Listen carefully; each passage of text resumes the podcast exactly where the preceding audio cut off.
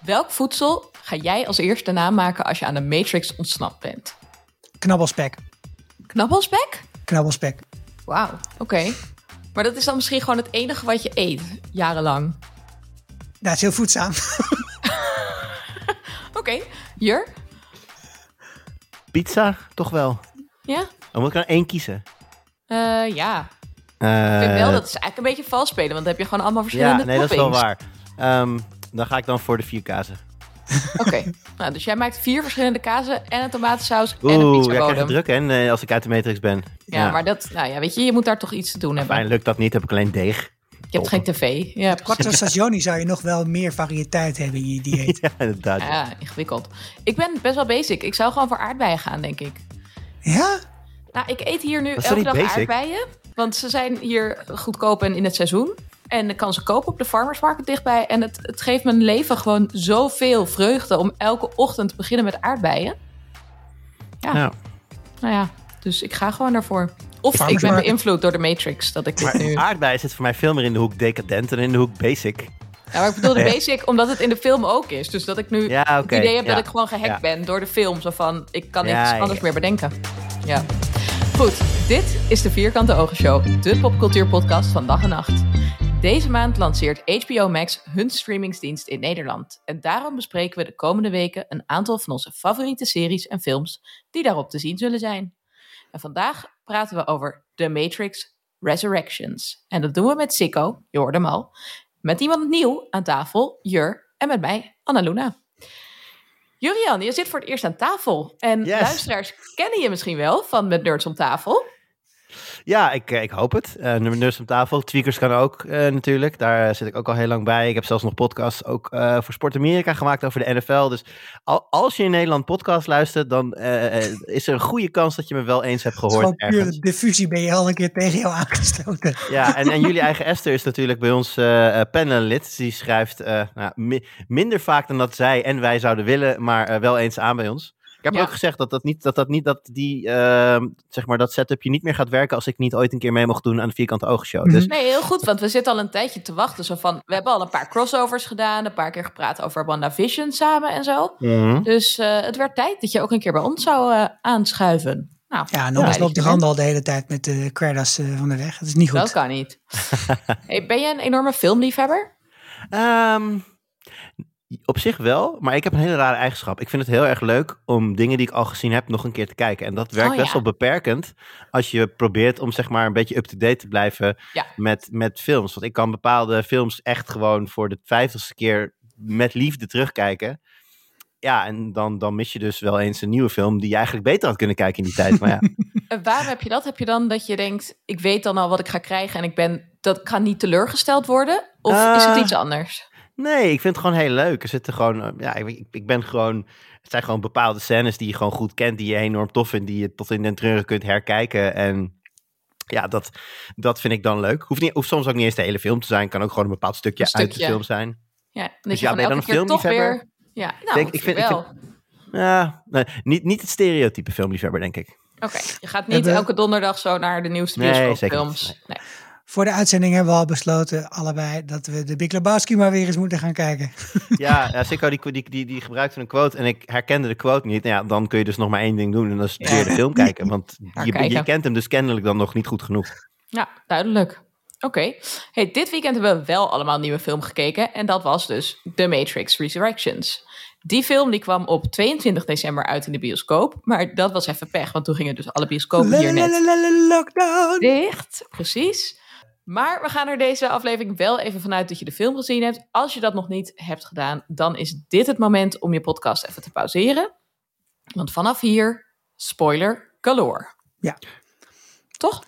Jazeker, en zeggen we wel even bij dat ik denk dat een derde van deze film überhaupt onder fair use valt. Van het hergebruik van materiaal. Dat is wel zo. Er zit echt heel veel oud materiaal in versneden. Ongelooflijk. Maar goed, we krijgen ook een nieuw plot. Want we keren terug bij hoofdpersonage Neo.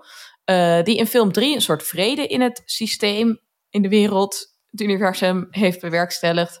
Maar nu wederom in de Matrix beland blijkt te zijn. Hij heeft lang haar. Ehm, ik vond hem een beetje de AliExpress versie van Aragorn.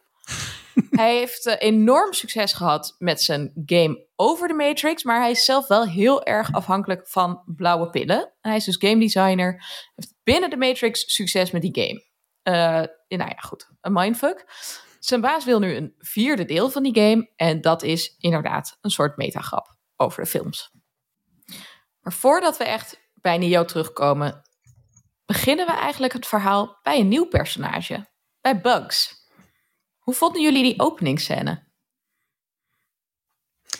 Ja, die openingsscène, dat was, uh, dat was een déjà vu. En dat was natuurlijk ook de hele grap. Ik heb daarbij ook de hele tijd dat ik ernaar zit te kijken. En dat ik denk, zo, dit is ook weer zo goed gerenderd. Hè. Dit zit ook zo goed weer in elkaar. Zie die uit toch heel... En dan lopen ze gewoon door een plas. En dan bedenken we later, oh, dat zou misschien ook wel echt zijn geweest. Dat kan ook dat het echt was. Want je bent, ik zit nog helemaal zo in je hoofd dat ja, die Matrix, dat was gewoon op cinematografisch vlak zo'n ongelofelijke sprong vooruit. Met 300, of nou niet 300, maar 360 graden camera's. Iets van 80 camera's opgehangen die allemaal vlak achter elkaar een foto maakten. Zodat je om Trinity heen ging terwijl ze een sprong maakten. En zoveel ongelooflijk dure, overigens, dure mhm. innovaties in het filmen. Dat je, dat je toch hier weer zit te kijken van, oh, hoe zouden ze dit hebben gedaan? Is dus niet altijd heel relevant. Nee, het was nu ook af en toe gewoon wat basicer. Ja, precies. Maar het voelde allemaal, ja, dat, dat, die openingsscène voelde inderdaad als een heel groot lang déjà vu. En eh, dat je echt zo zat, te, oh ja, hoe was het in de vorige week? Hoe was het in de vorige ook alweer? Maar er stond er zelfs iemand, een soort, soort extra narratie achter jouw hoofd stond uit te leggen. Dit is wat ze de vorige keer deed. dacht ik, oké, mhm. dit gaat gelijk al vrij, vrij meta. Ja. Hij gaat buiten, want je hebt die, natuurlijk die scène, hè? De, de, de agents komen aan en die zeggen van, uh, you were under strict orders om niet naar binnen te gaan. En dan zegt, uh, zegt hij van, uh, nou, klein meisje kunnen we echt wel handelen dan zegt, zegt, zegt hij op een gegeven moment van... No, captain, your men are already dead. En voordat hij dat zei, zei ik dat dus. Toen ik samen met mijn vriend te kijken. Ik zei, en op, ik, voor split second dacht ik, damn, ik ben briljant. Ja. En daarna kwam het besef van, oh wacht even. Ze hebben gewoon, ze hebben gewoon de dialoog gewoon in, in, deze, in deze versie herbruikt met andere mensen. Ik ben minder briljant dan ik vijf seconden geleden dacht. Maar het was wel, het was wel heel grappig op dat moment. Ik vond het ook echt, ik vond het echt een leuke openingsscène. Want je hebt wel dat commentaar op de achtergrond, maar je hebt ook heel duidelijk een soort van verwarring. Van, huh, wat gebeurt er nou? En het commentaar gaat er ook over dat ze niet helemaal snappen wat er aan de hand is. En of het nou een val is of dat er iets anders is. En ik vond dat heel goed werken, want ik zat er meteen wel heel erg in. Ik had ook iets minder paraat, alle oude scènes, dus dat hielp ook. Dat ik gewoon, dat voelde heel erg nieuw en heel leuk als een soort commentaar tegelijkertijd. Dus ik vond het een heel leuke, leuke beginscène.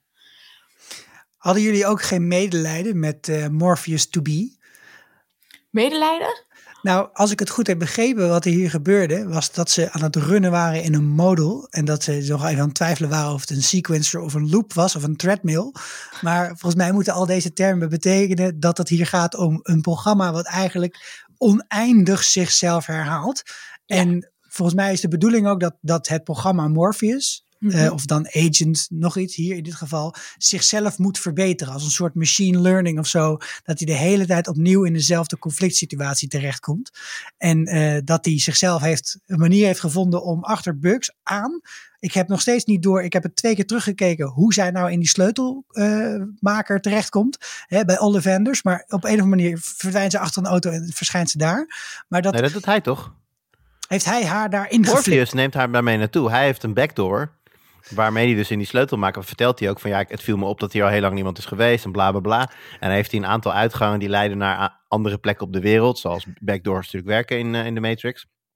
Maar hij doet dat. Hij, hij, want zij, uh, zij vlucht op een gegeven moment voor de agents. Nou, ze schudt ze eigenlijk allemaal af, behalve hem. Hij komt op een gegeven moment uh, uit haar rug, min of meer. En, en weet, haar, ja, weet haar te pakken te nemen eigenlijk. En sleept haar dan mee door een deur. En dan staan ze in die, ja, in die keymaker shop. Nee, dat, het, zij gaat de Keymaker Shop binnen en Morpheus pakt haar daaruit en brengt haar naar de kamer van Neo. Ah, oké. dacht... Dat is volgens mij wat er ah. gebeurde.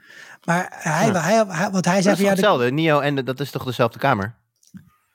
Nee, nee. Ah, dat dacht ik. Het zijn andere hm. kamers. Dus, dus het, het, klopt wel dat hij zegt van uh, uh, er kwam nooit iemand in die sleutelmakerij. Dat klopt. Oh, zo, en daarom weet hij natuurlijk dat maar hij had zit, ja. alle ruimtes in die hele omgeving al een keer eh, zeg maar, onderzocht. Dat is dus ook wat je dus als model... Hè, hij is Ja. een programma die gewoon op, eh, at random gaat proberen van... oh, misschien kan ik hier naar binnen, misschien kan ik hier naar binnen. Zoals dat ook... Hè, Ja. Als je vast komt te zitten in een videospelletje... ga je toch ook altijd op een gegeven moment naar maar kijken... welke deuren er allemaal open kunnen. Ja, en of je nog ergens een hint kan eh, krijgen of Ja. zo. Ja, ja, ja. Oké. Ja, nou, leuk, leuk. Nog een keer kijken dus allemaal meteen. Ja, om dit eh, kleine Nou ja, detail eruit te halen. toch best verwarrend. Ja, nou, ik had dat dus wel vaak. Dat ik echt even moest kijken van, huh, wat gebeurt er nou? Het ging ook best wel snel. Het is, eh, er, er zit gewoon echt heel veel in deze film. Maar goed, uiteindelijk ontsnappen ze samen. Ik had dus vooral heel erg medelijden met, met Morpheus op het moment dat hij door die gangen moet rennen van dat hotel. Terwijl hij duidelijk heel gedesoriënteerd is, omdat hij net die pil heeft geslikt. Je denkt, ja, dan heb je daar, zit je daar vet te spacen. En dan moet je nog gaan ontsnappen. Nou, dat werkt dus ook niet, want hij heeft meteen die verkeerde deur te pakken. Wat vonden jullie van, van eh, zeg maar, de, de- ik weet niet of vroegheid een woord is, maar de vroegheid waarmee die pillen weer werden geïntroduceerd? Want Hmm. en zij komt, zij komt, ze gaat het gesprek met Morpheus aan van, nou ja, en hij vertelt dan ook van, ja, ik heb het gevoel dat ik ergens naar op zoek ben, ik weet niet precies wat. En, ehm, en op een gegeven moment vi- vindt hij dan zijn, zijn purpose en hij neemt, oh, hij neemt die rode, of die, zij komt dan met die pillen aan. En ik had wel meteen zoiets van, ja, ik, ik, ik, ik ken dit Too al man. ik ken dit al of zo. Ik weet, ik, ik, het, het, het- ja, we hadden natuurlijk net al hè, de, de openingsscène waarbij de hele dialoog opnieuw wordt gespeeld. Dat was dan nog wel leuk. Maar nu kom je dan ook meteen weer met diezelfde eh, keuze die eigenlijk een illusie van een keuze is. Nou, dat hele verhaal weer, wat we ook al een keer hebben eh, uitgespeld hebben horen worden. Het was wel mijn eerste moment dat ik dacht van... Oei, als dit, als dit zo doorgaat de rest van de film, dan, dan, dan kijk ik, zit ik hier naar een remake te kijken. Ja, nou, ik had het iets minder, maar dat kwam omdat ehm, die pillenscène in mijn hoofd eigenlijk vervangen is door de persiflage ervan door The Office, die nooit is uitgezonden, maar inmiddels wel op YouTube te zien is. Dus er is op een gegeven moment een prank door Jim over Dwight. En dan Uiteraard. heeft, nou ja, dan lokt Jim dus, eh, laat Dwight naar de warehouse lokken, waar Hank de rol speelt van Morpheus. En die dus zegt van, ik- je mag hier kiezen, ik heb een blue pill en een red pill. En Oh, Dwight- ook. was, dat, was dat de conciërge? dat is de conciërge, ja precies. Ze hebben ook eerst natuurlijk een zwarte kat getraind om twee keer langs Dwight zijn bureau te rennen. Het is fantastisch mensen, ik zet het op de show notes. Maar ehm, uiteindelijk zegt Dwight dus, ja nee, het is eigenlijk, komt gewoon even niet zo goed uit, deze timing. Dus ik ga toch voor de blue pill. No one hates machines more than me. But I'm happy. I'm truly happy.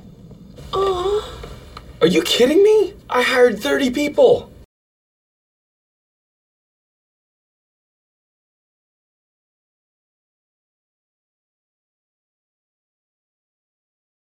En daardoor, omdat die hele scène bij mij vervangen was door, ja, waarom kies je ook eigenlijk niet voor de blue pill? Eh, dacht ik van, oh, verfrissend dat hij voor de rode gaat. Ja, moest gewoon lachen. Ja, eh, zonder die, eh, zonder die achtergrond eh, is het een wat minder, eh, wat, Ja, wat minder nee, spetterende ik. scène. het, komt, het is best wel snel. En het is inderdaad, er zit echt wel wat herhaling in deze film. Dat, eh, Ja. ja, op, op sommige momenten een beetje jammer. Ja, maar dit, dit stuk van de film is natuurlijk wel gewoon ja, sound storyboarding. Dit, dit kan natuurlijk niet fout gaan. Dit is gewoon al een keer geschreven, dit is al een keer gedaan. En het was toen al heel erg goed. Dus dat ze, dat ze daar wat veiligheid kiezen. Om toch ook op het idee van die eh, nostalgie in te spelen. Waarin de Mhm. volgende act natuurlijk wel heel veel aan gerefereerd wordt. Ik snapte het qua film wel dat ze dat zo hebben gedaan. Ik ook. En ik vond het ook wel heel natuurlijk dat je echt een opening hebt die dus even een andere, eh, op een andere groep mensen focust. Dus dat je geïntroduceerd wordt opnieuw in het verhaal via twee mensen die niet de hoofdpersoon zijn. Want daarna komen we dus wel terug bij Neo, die nogal in de war blijkt te zijn. Ehm, hij moet een nieuwe game gaan maken met een eh, stelletje millennial start-up types. Hij wordt ook echt door zijn baas heel erg gegaslight over hoe hij die, ja, die game moet gaan maken. Ehm, we zien ook dat hij eh, in een soort van dezelfde kringen verkeert als eerst. Dus hij zit steeds in een koffiebar en daar heeft hij een crush op Tiffany. Ja. Hij denkt natuurlijk dat hij haar kent. Uiteindelijk gaat die stomme assistent van hem gaat haar aanspreken. Dat is allemaal heel gênant. Je bedoelt Jude? Jude, inderdaad. En belangrijke nieuwe toevoeging aan het verhaal. Hij heeft een fucking enge psycholoog met een zwarte kat. Barney Stinson. Oh. Ja, ik kon hem ook niet in een andere... Nee, Nee, absoluut niet. Ik heb, die, ik heb die hele serie drie keer gezien. Ik zie hem zitten. En ook dat, dat, dat wenkbrauwtje dat zo omhoog gaat terwijl hij praat, weet je wel. Ik denk, ja, nee, dit is gewoon Barney Stinson. Denkt je, gewoon wordt, de hele Neo, tijd- je wordt geregeld. Je denkt gewoon de hele op. tijd aan het einde, nu komt de playbook tevoorschijn. Ja. ja, ja, ja. ja. Maar goed, dat, dat niet dus. Ik heb Neil Patrick Harris volgens mij ook maar in één andere rol ooit gezien waar ik hem heb onthouden. En dat is in Starship Troopers. Ik zie, ik zie hier even kijken. Daar is hij, die psycholoog die op een gegeven moment gaat praten met die beesten. En hij- met het opperbrein van de aliens gaat hij dan staan communiceren. Daar is hij dus ook een analist. Ja, dat is wel psycholoog. Ja. Ja. Maar eng, zeker eng. Ja, nee, dat, eh, dat absoluut. Ik, heb eh, heel grappig. Ik zat die scène te kijken en mijn eerste reactie was: Oh, het grappig dat ze Neil Patrick Harris. Hè, en en eh, nou, mijn eerste reactie was natuurlijk: Oh, is Barney. Maar ik dacht, wat grappig dat hij een bijrolletje heeft in deze film. Ik zat totaal niet aan zien komen. Dat, ik had me ook niet echt verdiept in wie de, de grote. Anders had ik waarschijnlijk gezien dat hij groot op de poster stond. En ja, dan, dan verwacht je wat meer. Maar voor mij was, kwam het als verrassing. En ik had echt gezien van: Oh, wat leuk dat hij een bijrolletje heeft. Ja. Boy, was I wrong. ja, ik vond het heel leuk, die scènes dat hij eh, op de bank zat bij hem. Want Ja. dat kan vaak een beetje vervelend zijn. Iemand met een therapiescène, dat dat heel erg exposition wordt. Dus natuurlijk wordt heel vaak gebruikt om dingen uit te leggen over de backstory van iemand. En om daar heel erg op in te gaan, dat je dan iets leert zonder dat je een flashback hoeft in te zetten. Ehm, Maar daar en- waren ze niet zo, niet zo gierig mee. daar waren ze hier niet bang voor. Maar hier gebruikten ze het wel op een andere manier. Namelijk om je nog een keer aan het twijfelen te brengen van wat was nou eigenlijk echt. En ik vond dat wel heel erg leuk. En ook dat je steeds die momenten hebt waarop hij in de spiegel kijkt. Afgewisseld met dat hij op zo'n stomme eh, loopband aan het rennen is. En ik vond dat op heel veel manieren gewoon heel herkenbaar. Als eh, een soort van twijfel over, goh, wat in mijn leven is echt belangrijk? Waar wil ik op focussen? En ik vond dat in dat opzicht maakte de film een eerste heel mooi metapunt over het leven. En misschien wel over midlife crisis, eh, waar Neo doorheen aan het gaan is. Dus dat vond ik echt een, leuke, eh, een leuk deel van de film, dat eerste stuk. Ja, nou en die, die letterlijke montage ook over dat, het, dat game, die game, het game, eh, wat moet ik zeggen hier? De game. De game. De game die ze moeten gaan maken. ja, En dus die het- brainstorm sessie, toch? Ja, en Ja. het steeds herhalen van diezelfde mantra's. Ja. Dat, is, dat, dat is zo. kn- En dan inderdaad hij die op één plek blijft, omdat hij op die loopband loopt en eigenlijk steeds hetzelfde riddeltje afdraait. Dat is zo geestdodend.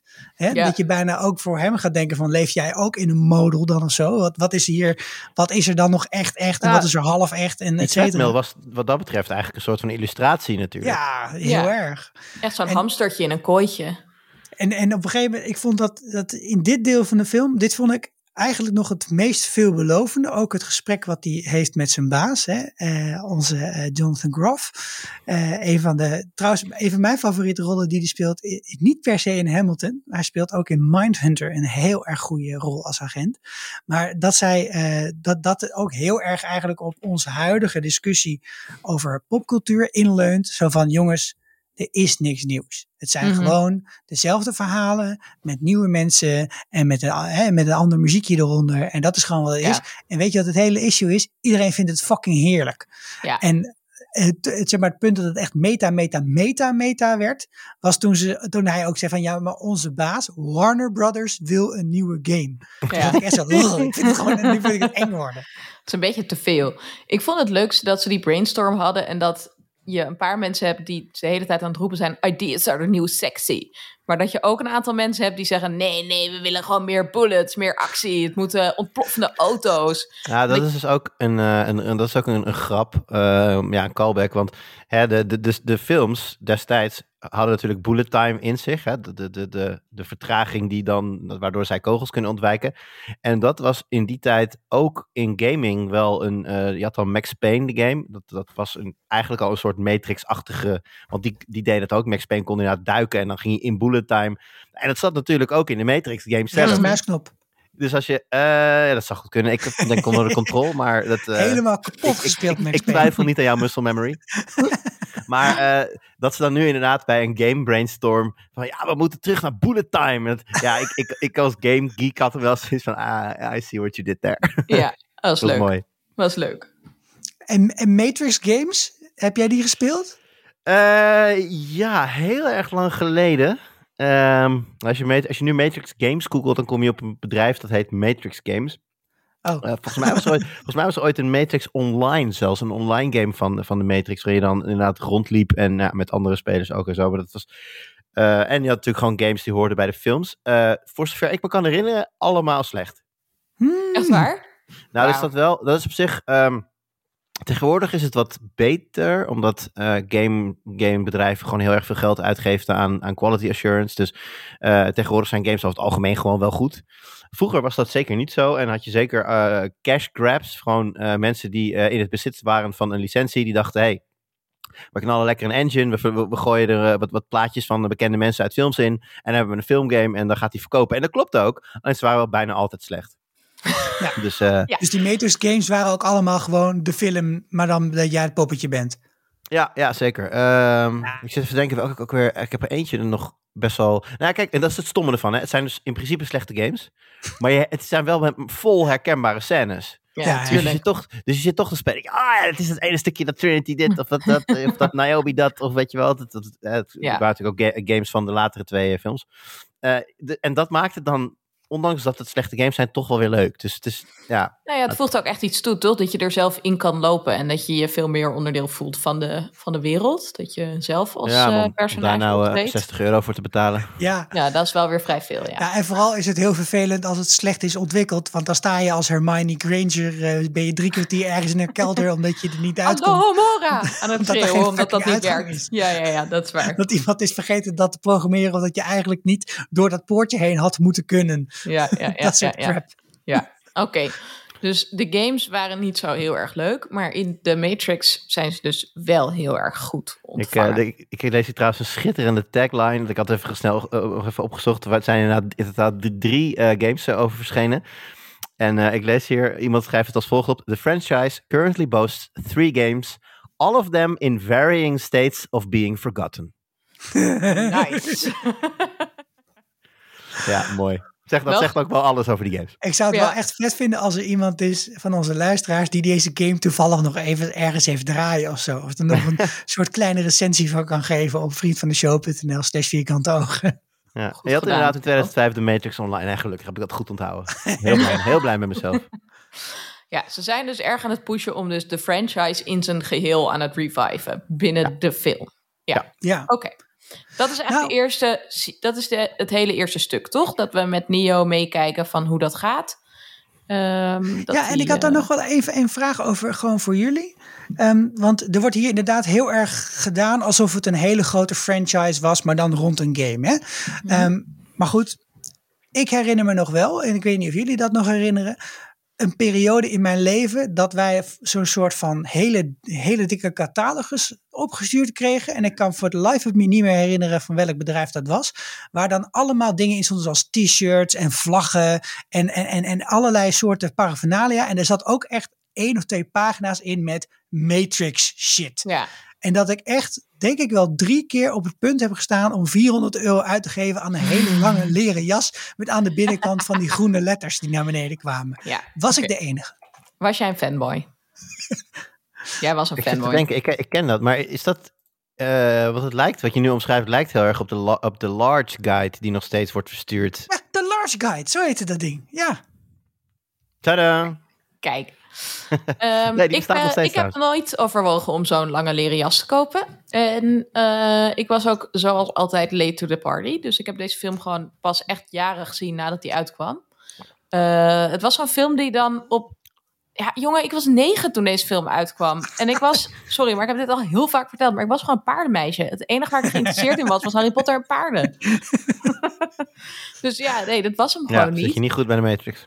Nee, en op een gegeven moment kwam daar dus wel de Lord of the Rings bij, want dat had paarden. En dat was dan Mhm. een soort van mijn gateway drug naar ook Pirates of the Caribbean, want dan was de overkoepelende thema was Orlando Bloom. Ehm, dus zo groeide dat langzaam, maar ik bleef nog vrij lang weg van de Matrix. En op een gegeven moment was dat natuurlijk dan de film op je vijftiende of zo, dat je dan bij slaapfeestjes, en dan waren ook altijd de jongens, waren dan degene van, oh, laten we dan de Matrix kijken. En ik denk, oké, is goed. maar dit was dus pas het moment voor mij dat de Matrix in mijn leven Oh, kwam. wauw. Ja, nee, voor mij was het eh, eh, een schoolkamp in de brugklas. En ik weet nog dat het merendeel, dat was al helemaal aan het einde van het kamp. En ik weet nog dat het merendeel van de klas in slaap is gevallen in de bioscoop. Want ja, je bent namelijk op kamp geweest en je hebt dus Ja, twee nachten niet geslapen. Ja, precies. Dus, eh, maar ik heb het dus wonder wel volgehouden. Want ik heb, ja, een, een, een- ik wil niet zeggen een magische ervaring, gaat wel heel ver. Maar ja, op die leeftijd ben je natuurlijk eh, easily impressed. En ik eh, was wel als eh, ja, beginnend, beginnend gaming nerd, was ik natuurlijk Ja. erg, erg gegrepen door het thema. Dus er waren ook al meteen de hele What is the Matrix? dat, hele, dat werd al heel snel een ding ook bij de, ik wilde zeggen in de klas, maar ik denk als ik heel eerlijk ben dat misschien bij drie mensen in de klas een ding werd. maar, Aan jouw tafeltje. ja, precies. Maar mijn, bij mijn tafeltje werd een ding helemaal.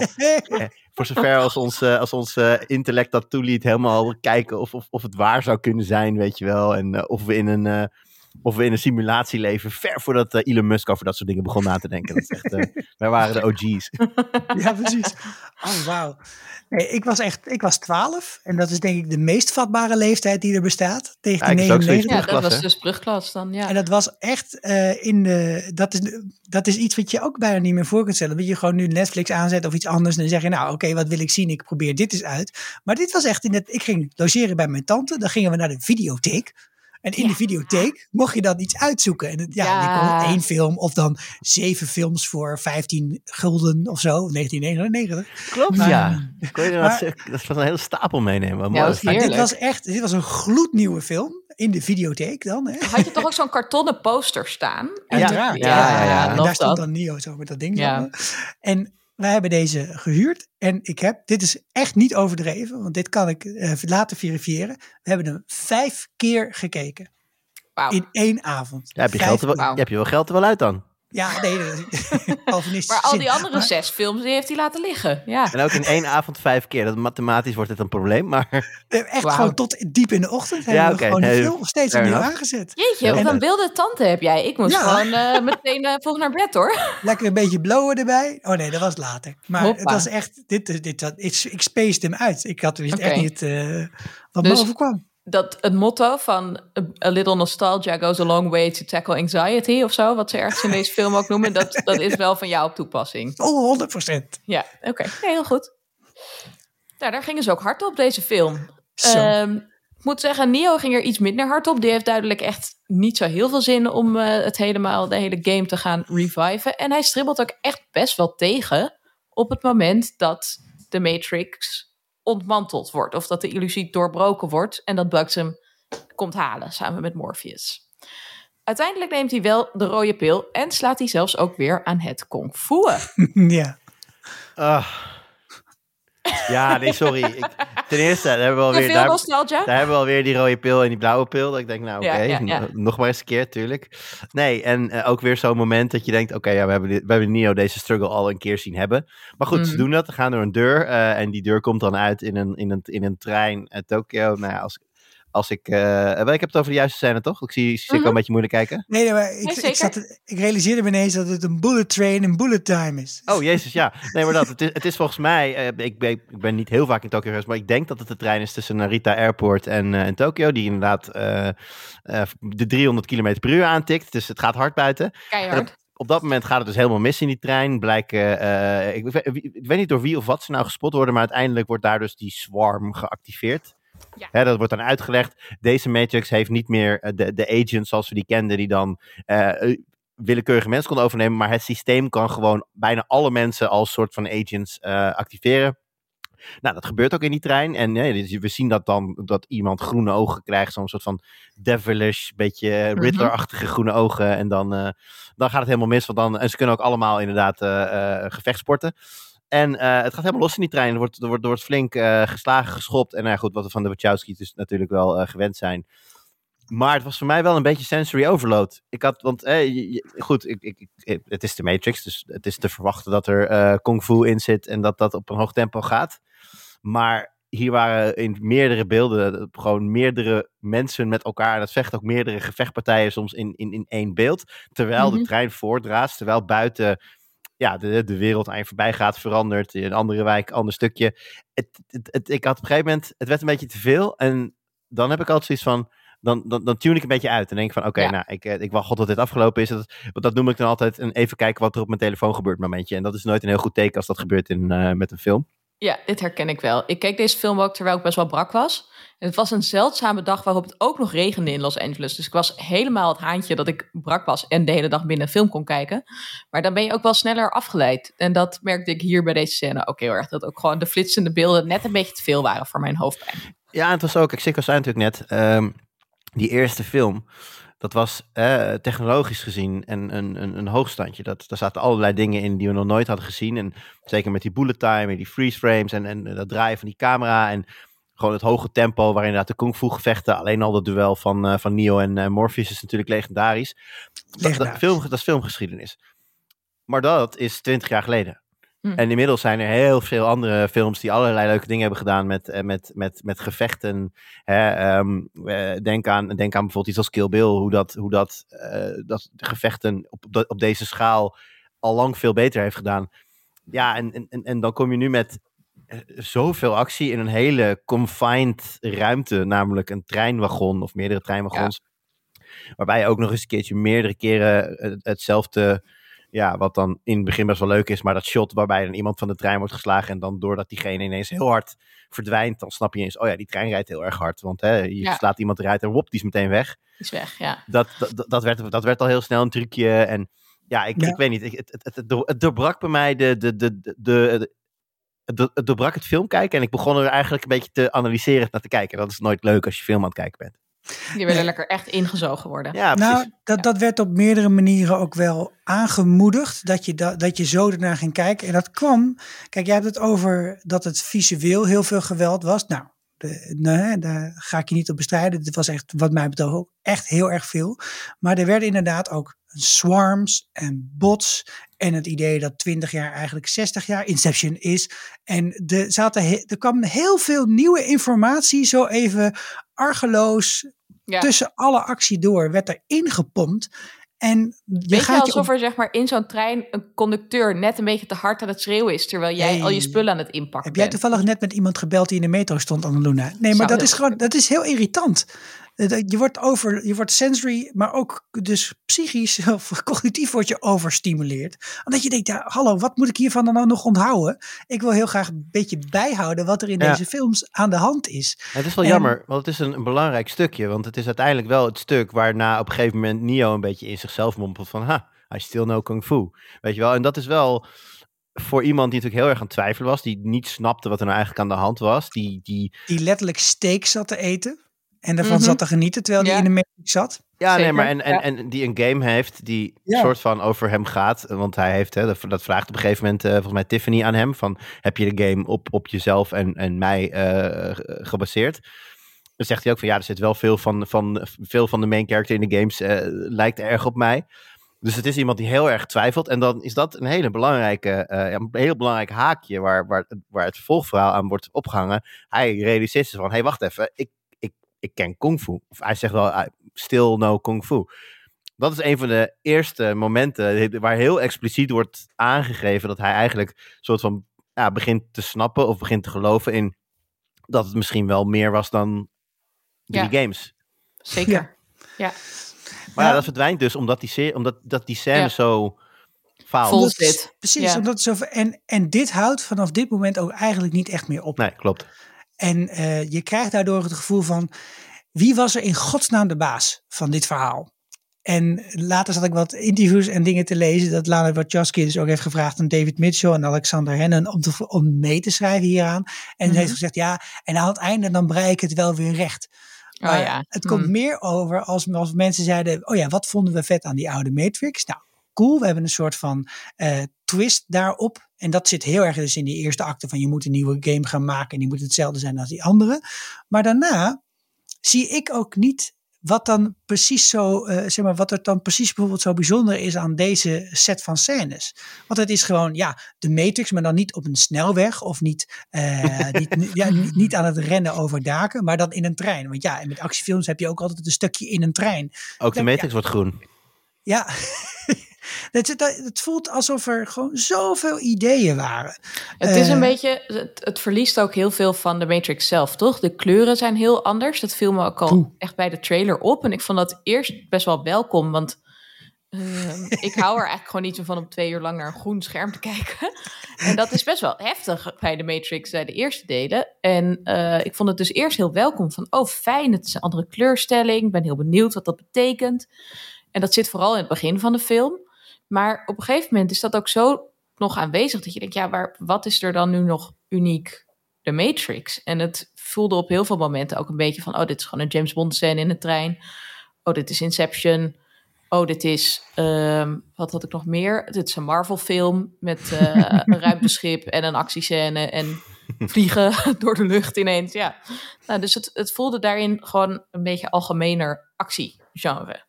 En ja. bij die is het sexy, maar dat zag ik hier nog niet helemaal. Nee, maar te veel ideeën die niet uitgewerkt zijn, dat, dat klinkt meer gewoon als iemand die aan het raaskallen is. En echt, er zitten zoveel dingen, sentience en programma's die op een andere manier ook in het echt kunnen bestaan. En alleen al het concept van een bot, hè. Als je veel gegamed hebt, in het verleden, zoals ik wel heb gedaan op de Unreal en de Counter-Strike engines, mhm. dan weet je als geen ander wat een bot is. En je kunt, dat is namelijk door een computer gegenereerd ander personage waar tegen je vecht. En dat kun je ook nog zoveel uitgebreider uitwerken. Dat je voor deze film bij wijze van spreken alleen het concept model en het concept bot nodig had gehad om echt nieuwe dingen te introduceren die helemaal Des Matrix waren geweest. Want ik vind dat echt leuk dat ze hebben heel erg nog, nog verder naar, naar ingeleund om ook die, die mhm. game eh, development erbij te pakken. Maar tone it down a little. Dat is al, al leuk genoeg. Nou, er komt wel volgens mij een, een nieuwer stuk van de film. Dus tot nu toe hebben we natuurlijk uh, Neo gezien in zijn omgeving binnen de Matrix. Dat lijkt heel erg op hoe we hem in de eerste film tegenkomen. We hebben daarna zijn ontwaken gezien. Kung fu scène natuurlijk. Maar dan, als hij eenmaal ontwaakt is, uh, dan reizen we met hem en met Neo af naar Io. Waar we zien hoe de rebellen nu leven. En daar uh, wordt hij dan ook weer gearresteerd ontsnapt. Gaat weer terug de Matrix in. Daar dacht ik ook even, waarom was die ontsnappingspoging nodig? Maar oké. Daar komen we een aantal exiles tegen, wat wel heel grappig was. Ook een callback naar de oude films. Ja. Uh, Murph maakt sequels belachelijk in een soort meta-meta-meta-commentaar. en dan na goed Robertje vechten uh, weet Neo eindelijk Smith af te schudden, zijn oude baas. Om dan eindelijk weer met Tiffany Trinity te praten. En dat blijkt dan een soort van valstrik. Want daar komen we weer bij de analyst. En dan zit er een hele scène met uitleg over waarom Neo en Trinity nu samen in de Matrix zitten. Ja. Maar dit, ja, dit stuk begon natuurlijk bij, bij IO. Mm want daar, wat een belangrijk dingetje daar, denk ik. Uh, Zion is niet meer, schijnbaar. Dat, dat was een achterhaald concept of iets dergelijks. Geen idee. Het, in ieder geval niet levensvatbaar. Was Civil War of zo, toch? Tussen de machines?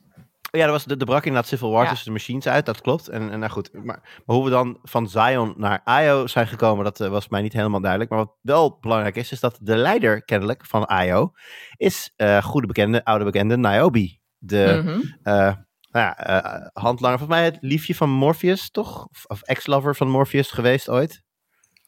En ja, het was complicated. Het was complicated. ja, want zij ging natuurlijk nu met die, met die opperbevelhebber die niks, van, die niks van Morpheus moest weten. En zij ging uh, lijnrecht tegen zijn orders in door haar schip te geven aan Neo. Toen hij daar, dat, dat zegt hij op een gegeven moment ook, Niobe. Want dat is een beetje een punt dat ik wil maken. Niobe is totaal veranderd. Niobe was ooit die captain die nou ja, gewoon diep in, in zichzelf op zoek ging naar wat goed was en daar naar luisterde. En nou ja, als dat dan niet strookte met wat hè, de, de powers that be wilden, dan, dan was dat maar zo. En ze is, ze is, ze is duister geworden, ze is, ze is verhard, ze is ja. niets meer over van, van, de, van, de, van de rebel Niobe die er ooit was. En ik vond dat raar, want um, ja, Niobe heeft natuurlijk een hele specifieke functie in die, in die eerste trilogie, of in de latere twee films met name dan natuurlijk. Hè, uiteindelijk is zij uh, eh, super belangrijk in dat Neo uit, uh, uiteindelijk zijn, zijn, ja, zijn destiny kan gaan vervullen. In 60 jaar, want hè, inderdaad, buiten de Matrix is 60 jaar ver, verstreken, binnen de Matrix ja. maar 20. Um, in 60 jaar kan veel veranderen. Ze is inderdaad een oude vrouw geworden. De- Je kunt inderdaad best wel een zuur persoon worden in 60 jaar. Vind ik helemaal niet per se erg. Maar het werd 0,0 gemotiveerd. Ik bedoel, is het, ze, vertelt wel van ja, nee, want Zion dit en burgeroorlog dat. Maar waarom zij nu ineens een soort van, van, van ja, eh, een heel erg oude kleuter van nee, Nio, ik ga je niet helpen, want, want redenen. En ik, ik zag er Ja. helemaal niet in terug degene die ooit The One heeft geholpen. Eh, ja, dat, dat, dat kwam heel koud op mijn dak. Ik weet niet hoe jullie Ik dat... vond het eh, ook, nee, ik, helemaal hetzelfde. Ik vond het ook heel jammer. En vooral dit stukje van de film duurde wat mij betreft ook te lang. En ik snapte eigenlijk niet wat het precies toevoegde. Dus ook dat stukje dat hij dan in de gevangenis moet. En ik denk, ja, dat ontsnappen. Waarom zijn, als zij nou meteen aan zijn kant had gestaan, dat had gewoon 10 minuten uitleg bespaard. Denk ik dan. Ja. Nee, deze, deze karaktershift vind ik ook echt heel raar. Ik had het gevoel alsof ik zat te kijken naar iemand die in de vorige film Han Solo was. En nu de chagrijnige Luke Skywalker uit, eh, ja. uit episode 8 was, zo ongeveer. En wat, wat ook, zeg maar, deze film zat zoveel in dat je, je had hier een trilogie van kunnen maken. En in dit geval dan een trilogie waarvan tevoren over na was gedacht om er een trilogie van te maken. Hè? Kleine Mhm. backstep, maar. En dan had de Machine Machine War had de Rogue One kunnen zijn. Of zo. ja, Die ene film die ertussen zat. en had je ook gewoon En- sentience, gewoon de, de liefde kunnen geven die ze verdienen. Want, Zo, uit- want, tuurlijk, uitei- ja. want uiteindelijk spelen de machines die de mensen helpen. Nou, ik zou niet de hoofdrol, maar eh, die, die zijn de, de echte helden. Die, die, zijn, die- super belangrijk. Die blijken Ja. onmisbaar. We krijgen 0,0 mee over hoe die band... Oké, weet je, wel, wel van... Want hij vraagt van, oh, de machines zijn nu onze vrienden ineens. En dan zegt zij, ja, burgeroorlog, boeboe, heel veel gedoe. En, en, eh, maar, maar, maar, maar waarom juist dan deze twee of drie beestjes eh, ineens helpen? En, en waarom zij zo goed zijn? En waarom dat ene ding kan kloken? En waarom niet alle andere dingen dan ook kunnen kloken? Dat, ik miste daar zoveel context Ja. bij. Dat ik En echt waarom die ene een wandelende tak is. En, wel hele nou, ik snelle vond het wel heel leuk dat hij Illuminate heette. Vond ik echt een leuke, vond ik echt een leuke naam. Het is wel wel een soort van lampje van Willy Wortel. Nou, dan weet je denken, je hebt in Transformers dat je ooit zo'n hele kleine eh, Decepticon was het volgens mij, die dan in, volgens mij letterlijk in mensen kon kruipen of iets Oh dergelijks. ja, ja, ja. Daar deed, daar deed het beestje me een beetje aan denken. Niet per Ja. se gezellig, maar Ik vond Ik die vind- soort vliegende rog ook heel chill. Ja, Die bewoog ook ook heel heel cool. leuk. Maar ik wilde Ja. eigenlijk gewoon meer scènes waarbij je een beetje zo van die onderwaterbeelden van zo'n rog. Zo even kalmerende. ja, maar er ligt gewoon qua hoe, qua hoe die machines zijn gemaakt en bedacht en wat ze allemaal doen, ligt hier gewoon eh, zeg Ja. maar iets om uit te diepen waarmee je een hele nieuwe Horizon game zou kunnen maken. Maar Ja. in plaats daarvan zetten ze gewoon neer, eh beide ze er drie regels tekst aan en, en dat was het dan. En, en oh ligt ja, de ze gaan, focus toch weer op de gaan- mensen. ze gaan wel de dag redden. Ja, want ik kan ook best geloven overigens dat eh Niobe, dat zij, trouwens Io, Niobe, dezelfde letters, maar goed, dat, dat Zion. zij, Zion, dat, dat zij een soort van zou, eh, en 1 en 0, dus binair, nou goed, we Hm. zijn er, eh, maar dat zij tot, de, tot het inzicht is gekomen dat het niet draait om het bevechten bijvoorbeeld. Dat wil ik ook heel erg graag geloven. Als we 60 jaar overheen gaan, dan, hè, en er zit ook zo'n heel klein subplotje tussen, zo'n Wall-E subplotje met Ja. van we hebben weer geleerd om planten te, Ja. te kweken en we kunnen nu inderdaad weer aardbeien eten. Dat je denkt, daar zit ook zo ongelooflijk veel in. Dat, dat zeg maar, wij kunnen ons gewoon echt absoluut niet voorstellen wat dat betekent om leven te zien op een plek waar je dat gewoon nooit had. Hè, waar je dat niet meer had verwacht. Alhoewel, ik woon dan in Amsterdam in een wijk waar echt vrij weinig groen is. En dat vind ik raar, want het heet Bos en Lommer. Eh, maar als ik hier dan een vogel zie, dan ben ik oprecht ook gelukkig heel even. een Helemaal klein blij. moment. Vliegt toch Ja, een heel Amsterdam papegaaien rond? Ja, van Halsman Pakiet. Maar, deze, deze mensen moeten daar, met het feit dat er dus planten zijn, moeten ze eigenlijk ook zo'n ongelooflijke emotionele eh, soort, soort Ja. schok door hun lichaam moeten gaan voelen. En ook dat was zo snel weer voorbij. Maar dat kan ik helemaal geloven als je het ook een beetje introduceert. Ja, Nou ja, maar maar dat wordt natuurlijk op een gegeven moment ook wel onderdeel van het verhaal, toch? Van dat zij te veel aan het focussen is op planten Hmm. en op eigenlijk comfort of luxe. En dus te weinig aan de waarde hangt van de originele verzetshelden. Mhm, Maar mhm. dat is inderdaad gewoon een verhaal aan zich. En dat, dat is Ja. een heel mooi verhaal van de desillusie die vaak ook komt kijken bij rebelsheid. En hoe op een gegeven moment dan toch weer oude machtsstructuren de kop opsteken. En ja. dat het heel moeilijk is om je daar te- tegen te verzetten. En dat je daar heel bewust mee bezig moet zijn. Kun je inderdaad een prachtige trilogie van maken. Ja. Nee, maar dat is het. Ik, ik kan snappen, als je nou inderdaad daar, geef het een paar minuten in ieder geval. En als je dan een soort van verhaal hebt van dat je zegt van ja, joh, maar hartstikke leuk. Jij als The One vloog met mijn schip weg en je ging ons redden en dat is gelukt. We zien ook het beeld dat de Sentinels inderdaad hè, in, eh, uit, uit de derde film uiteindelijk terugtrekken en, en de vrede eh, mag blijven bestaan. Maar ja, Mhm. dan ineens is het 60 jaar later en leven ze nog steeds onder de grond en hebben ze eindelijk freaking aardbeien. Ja, ik snap. Kijk, als je het zo zegt, dan denk ik ja, ik snap zich wel dat ze een beetje verzuurd is door de jaren heen. ik bedoel, het is niet echt dat je denkt van, oh, het is echt stukken beter geworden. Ze hebben een veel grotere stad, dat zien we wel. En eh, Ja. het, gaat, het gaat aanwijsbaar wel iets beter, maar het is niet alsof eh, de, de wereld helemaal hersteld is. Boven is gewoon nog steeds Machine City en beneden zitten de mensen gewoon als, ja, toch een beetje als ratten onder de grond. Ik kan, als, je- als je dat een beetje meer uitlegt, dan is, dan is de rol van Niobe al een stuk beter te accepteren. Zeker. En we leren uiteindelijk dat die Matrix nu dus nog verder gaat, toch? Omdat ehm, uiteindelijk blijkt dat mensen nu nog veel meer gemanipuleerd worden om daar heel veel energie uit te halen. Dat leren we in het volgende stukje. Ehm, we gaan dus met eh Neo en eh, de anderen terug naar de Matrix. En daar krijgen we enorme uitleg van de analist over waarom Ja. zij terug zijn gekomen in de Matrix. Ja, dat, dat, eh, ik- volgens mij hebben heel veel mensen dat wel gemist. Want het, hij legt eigenlijk iets superbelangrijks uit. Iets dat eigenlijk de, de invulling van ook de eerste drie films heel anders maakt. Hij zegt namelijk met zoveel woorden dat The One niet één persoon is. Maar de combinatie tussen Neo en Trinity. Ja, En, dus ja, ga maar. Nee, ja, nee, heel goed.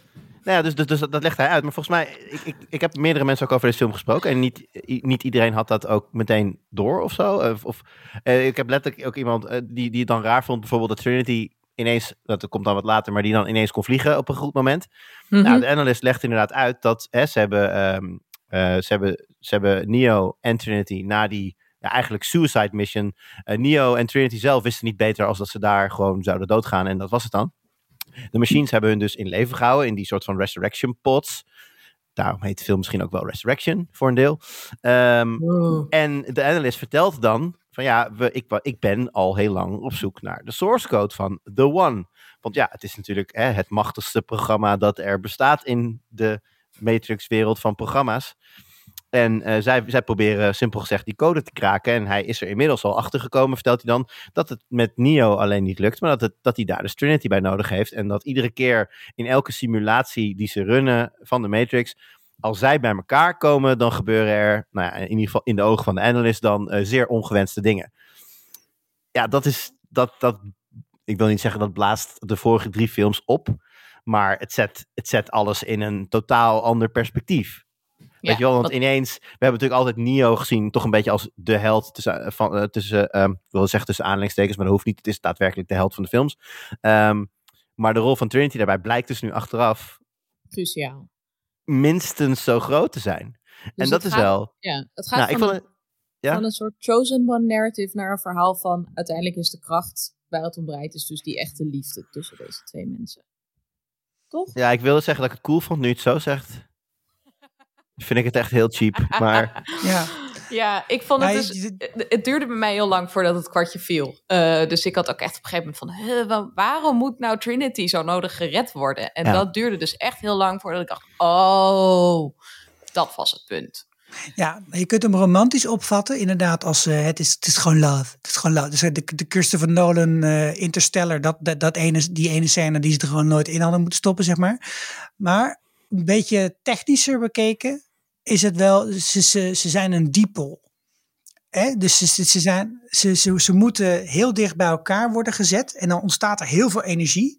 En dan is het heel krachtig, maar je mag ze niet te dicht bij elkaar doen. Want dan elkaar Ja, en dan mag aan. gebeuren. En heel ver weg van elkaar heb je ook niks aan ze.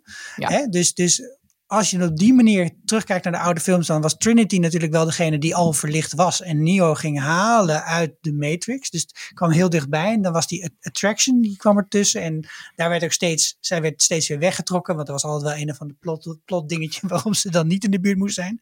En eh, dat, dat zit ook, maar dan, eh, dat, dat begreep ik er in ieder geval van. Dat bestaat ook tussen Morpheus en Agent Smith die zijn ook dipolen van elkaar. En juist ook als die in de, bij elkaar in de buurt komen, dan gebeuren de, de spannendste dingen eh, voor de Matrix. En, en dan ontstaat er de meeste energie. Maar dat is inderdaad iets eh, waarvan je, je zit dan ook al op het punt in de film dat je ook de hele tijd dingen ziet ontploffen en mensen ziet vechten met elkaar. En dat je denkt, Ja. heb ik het gemist, dames en heren? Of is er een bezoek geweest aan een oracle? Ja, nee toch? Want ik denk dat alleen Satie een soort van in de buurt komt. Ja. Maar ik miste gewoon het stukje waar ik gewoon een koekje kon eten. Ja. Om even na te denken en alles te laten bezinken. Lekker Ja. even rustig. Ja, nee, dat had ik ook een Was er beetje. niet... Ik had het idee dat zij wel ergens te zien... want het was op een gegeven moment wel een soort van Oracle-achtige oude vrouw, maar... Waar was dat dan? Naomi? Nee, nee, nee, nee. Het was ergens anders. Maar niet, niet de Oracle en ze werd ook nooit de Oracle genoemd. Ik had alleen het idee dat het was gewoon een type vrouw dat daar erg op leek. Dus ik had zoiets van, misschien wel in een andere functie inmiddels, geen idee. Maar ik had wel het idee dat, dat er een soort van visuele, ja, zeg het, een beetje visueel gekieteld werden of zo op dat vlak. Ja. Maar kan er ook Nou, naast zitten. Ik had, ehm, eh, ik had wel zo'n moment dat je even kan nadenken bij dat moment dat die appel ontploft. Omdat daar die kogel doorheen gaat. Dus dat, dat vond ik wel grappig ook als een soort van twist. Dat je natuurlijk een soort trope hebt van de, de, de slechterik eet altijd een appel. Ehm, en dat hier Ja, dan die of appel... rookt, hè? of rookt. Maar hier wordt de appel gebruikt om eh, die kogel die op Trin- Trinity afstevend, om die eh, op te vangen, zodat zij dit keer niet sterft. En dat vond ik wel grappig. En ook vond ik het wel heel erg mooi gedaan hoeveel macht die analyst hier uitoefent en hoe duidelijk die daarvan geniet. Ja. En ook hoe erg dat gegoten wordt in zo'n productiviteitssausje. Van hij is eigenlijk gewoon een manager die productiviteitstargets aan het halen is. Mhm. Dus dat vond ik allemaal wel heel erg leuk. Alleen, ja, dat volgt inderdaad wat je al zei. Op zo'n scène waarin je helemaal murgebeukt bent door Agent Smith en Neo. En tegelijkertijd een gevecht tussen exiles. Nou, je denkt, wat de fuck is hier gaande? Het is zoveel. Dit is wederom die sensory overload. Trouwens, heel snel nog over de, over de Oracle. Eh, de functie van de Oracle is gepurged door de machines toen de Matrix werd rebuild. En Niobe refereert wel aan haar eh, in een gesprek met Neo, waarin ze dan aangeeft dat het laatste wat ze ooit van de Oracle hebben gehoord is dat er een, een nieuw power was rising. Waarbij ze bijvoorbeeld de analyst natuurlijk bedoeld zou kunnen oh, hebben. ja. En dat ze Dus- toen heel lang die bedreiging niet serieus hebben genomen, toch? Ja, volgens mij dat stukje inderdaad. En ik weet dan niet per se aan welke bedreiging ze dan exact refereert. Waarschijnlijk de analyst, omdat die natuurlijk, ja, als, als, als het hem zou lukken om eh, de source code van The One eh, ja, te, te achterhalen, te breken en te gebruiken, dan heb je natuurlijk als mensheid wel een probleem waarschijnlijk. Ehm, maar dat, dat is eigenlijk het enige wat er van, van de Oracle nog, nog over is in, in Resurrec- Resurrections. Ja, en dan heb je als mensheid een probleem, want dan ben je niet meer nodig, toch? Eh, nou, dat weet ik niet. want De mensheid blijft natuurlijk wel de lifeblood van de machines. Volgens mij was, het, was dat niet. We waren toch gewoon een farming eh, methode? Ja. Mhm. ja, maar ik denk Ja. als je die dan kunt vervangen met iets wat je kunt programmeren, dan kun je ze allemaal wegspoelen, zeg maar. Nou Ja, wat, het, wat het doet is. Hè, wat we hebben natuurlijk in de originele trilogie geleerd dat de One was een, was een terugkerend proces. Hè, er kwam altijd een One en dan, nou, dan resette daarna de Matrix weer. Op het moment dat de machines eh, zelf de, de One kunnen maken of namaken. Precies. ja, en ja. dan dus 2000 The Ones kunnen neerzetten als er een keer eentje doorkomt eh, op, de, op de normale manier. Ja, dan is de strijd die eh, mensen, of die, die een select klein groepje mensen voert om nou, toch ook maar in de echte wereld te blijven bestaan en toch, en toch te kijken om mensen te bevrijden en dat soort dingen, ja, dat is dan klaar. En daarom gaan ze nu terug de Matrix in. Wederom om Trinity eruit te halen. En dat duurde dus bij mij echt heel erg lang, gênant lang voordat het kwartje viel. Eh, misschien was het toen ik eh Jurs opmerkingen in het draaiboek voor deze aflevering las. Dat zou kunnen. In elk geval, ehm, er volgt een soort van heistscène. Dus hier krijgen we weer een ander soort filmtrope. Trinity moet gered worden en we zien ook de uitleg van het plan. Zien we gebeuren terwijl ze dit aan het uitleggen is. Dus Sati gaat ons uitleggen wat ze voor plan bedacht hebben. Hier Neo, trouwens, dat kleine meisje uit Ja. Ja. vorige films. ja, dat legden ze ook wel weer even heel duidelijk uit. Hè? Er kwam gewoon ook even die beelden in versneden en zo. Ik vond hier ook, er, er werden zoveel beelden versneden, zo van en flashbacks en een soort van flash-forwards naar hoe die reddingsscène zou gaan, dat het ook een beetje duizelde, wederom. Maar goed. Ehm, uiteindelijk, het plan draait erom dat Neo eh, Trinity moet gaan overtuigen dat ze met hem mee moet. Want ze kunnen haar wel extracten uit die pot waar ze in zit. Maar dan heeft ze een verward mind en dan wordt ze niet, kan ze niet levensvatbaar zijn buiten de Matrix. Dus ze moet je zo'n bewust... corrupted file, hè, krijg je dan. Precies. Dus ze moet Te snel de USB eruit gejankt. Nero Burning Room. Ehm, dus ze moet gered worden en ze moet bewust zijn dat ze die keuze maakt. Dus hij spreekt af met de analist in een bar die Simulatte heet. Dat vond ik gewoon wel, vond ik gewoon best wel een grappig grapje. Daar heb ik hard om gelachen. Ik werd ook vijf keer in beeld gebracht. Zo van, snap je het al? Sta, heb je? Ja. Ja, ik vind het wel mooi, want ik had het dus helemaal niet gezien tot wellicht het moment dat ik in de jouw show notes zag dat je daar heel om moest lachen. Kijk. Zo kijk je allemaal anders naar een film. Eh, maar vanaf dat moment, je hebt nog eventjes natuurlijk de spanning van... gaat zij mee of wordt ze toch door die kinderen weer meegelokt? En vanaf dan is het echt actie, actie, actie. Smith komt ineens Neo te hulp. Daar snapte ik op dat moment echt even geen fuck van. Dus ik hoop dat een van jullie daar nog een goede take op heeft. Trinity kan vliegen. Die heeft eh, alle Red Bull gedronken. Dat wordt gesponsord dit keer. Wat? Hoe, hoe keken jullie hier naar? Ja, zullen we even met de basics beginnen? Met Ja. Smit of met, wat, waar, waar wil je beginnen, Sikko? Ik wil even bij Trinity beginnen. Oké, En dan eigenlijk Tiffany, om het makkelijker te maken. houden de voor droom eigenlijk al. Ehm, nou, eigenlijk de manier waarop ze wordt neergezet hier eh, Oké. als, als moeder van kinderen eh, en, hè, en die, die man. Dus het vanaf het begin af aan wordt er al naartoe gewerkt dat Neo natuurlijk een soort van de hots heeft voor haar. En dat hij naar daar zit te loeren in, eh, in de koffiebar. Te En, eh, hebben, ja, hij zit- hij zit gewoon te loeren, de vieze loer.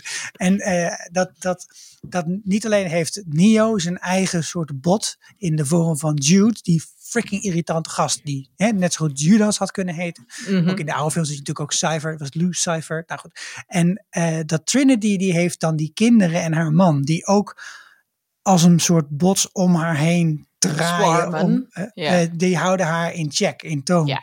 En ergens vind ik dat een heel interessant en leuk idee. Maar het is ook best wel, je kunt het ook verkeerd opvatten. Beetje seksistisch bedoel je? Nou ja, en dat kinderen een Oh, dat ik blok aan je niet. been zijn, waardoor je niet weg kan. Dat, dat is eigenlijk meer Oh, ik de vond- interpretatie die ik erbij had. Om even dat, dat maatschappelijke randje eraan te halen. Want ze heeft natuurlijk op een gegeven moment, eh, volgens mij ergens daarvoor al, zit zij een keer, eh, ze gaan even koffie drinken, Nio en zij. En dan hebben ze het over die game. En dan vraagt Ja. zij, maar op- zij zegt op een gegeven moment ook van ja, ik heb kinderen, maar ik weet nou eigenlijk niet of dat ik dat daadwerkelijk wil. Mhm. Of dat ik ze heb omdat de maatschappij vindt dat ik ze moet hebben en ik dus Ja. maar een moeder ben Ja. geworden. Ik vond dat juist, ik vond dat juist wel heel, heel, heel sterk of zo. Ik vond het een heel sterk Ja. statement. Want ik denk dat er genoeg mensen zijn in de wereld die aan kinderen beginnen omdat het zo hoort. Dus Ja. eh, Ja. ik vond het, Dat vond ik ook leuk. Ja. ja, ik, vond het- Ja. ik zag het juist niet als iets als, als een seksistische manier om het neer te zetten. Nee, ik, dat is eigenlijk ook niet wat ik bedoelde te zeggen. Ik bedoel meer ehm, de wijze waarop het inderdaad, waarop die vraag van, hè, wil ik eigenlijk, wilde ik eigenlijk wel kinderen of heb ik ze gewoon gekregen? En, en ook van dat ze eigenlijk, dat die kinderen die, die, die staan aan haar te trekken als in van ik kom niet verder in mijn leven of zo. Hè? Dat, eh, dat juist het gebruik van die, die, die, die, die toespeling, die vind ik heel erg leuk. Maar ook wel, de- ook wel dat je denkt, oh ja, oh shit. Dus, eh, als, ik bedoel, ik ben dan ook ouder en ik heb natuurlijk ook wel eens ergens gedacht, Jezus Christus, waar ben ik aan begonnen? Nu even En, niet. en waarom moest dit ook alweer per se? En dat ze dat op deze manier, eh, zeg maar, aan de ene kant heel erg technologisch en een soort game maken. En aan de andere kant die maatschappelijke vraagstukken eh, oproepen, vind ik heel erg leuk gedaan. Een ander, ander ding wat ik voorbij zag komen, en dat was ook al wat eerder. Zij zegt op een gegeven moment ook van, your game nearly ruined me. Mm. En eh, dat deed mij heel erg denken aan dezelfde periode aan waarin ik die large gids, eh, gids eh, opgestuurd kreeg. Toen was ik eigenlijk de enige uit mijn jaar die niet World of Warcraft had. Oh ja. En Ja. die andere mensen die World of Warcraft hadden en speelden, die leefden op dat moment gewoon in een andere plek. Gewoon de gameverslaving. Heel, maar dat was echt, dat ging echt heel ver, vond ik. Maar dat vond ik dan als niet World of Warcrafter. En Jurk ik zit was ook nu heel erg te knikken. Ja, ik zie hem inderdaad al mensen knikken. Wat is jullie ervaring daarmee? Dat echt dat Ah, helemaal heb- verliezen erin. Ik heb, eh, de- even kijken, al met al zo'n 3,5 jaar studievertraging opgelopen. Zeker een jaar daarvan is wel eh, op het rekening van World of Warcraft, denk ik. Holy shit. Nou, valt, valt er mee. Ik speelde natuurlijk, heel, veel- speelde natuurlijk toen ook al heel erg veel games. En ik begon toen net een beetje in de gamewereld te werken. Dus dat, ik had wel een soort van excuus. Maar toen die game, toen die game uit was, ik denk dat de eerste twee, drie maanden heb ik wel echt een soort van, nou ja, ik wil niet zeggen fulltime, maar fulltime zitten spelen. Meer dan misschien nog wel. Ja. Ja. Ik heb eh, met de gek. Sims ook wel echt dit soort momenten gehad. Dat je denkt, ik ga even tien minuten Simsen. En dat je drie, vier uur later opkijkt en denkt... Nou, gewoon wel even doorgaan. Dat is wel hard gegaan. Waarom ook niet? Ja. Eh, maar dat, ja, er, je kan je daar echt heel erg in verliezen. En dat Ja. is ook wel leuk dat ze daar commentaar op Je hebt geven. eh, een van de oudere games die zijn, Civilization. Dat werkt met beurten. En de One More Turn is een, een, een, een, een- ja, een, een heel bekend eh, ding waarmee je, je vooral je nachten verliest. Weet je wel, dan is het half elf Oh, ja. en dan denk je bij jezelf, nou, One More Turn, kijk je op half vier. Wat? Oeps. Ja. Dat, ja, en dat is denk ik ook wel een soort.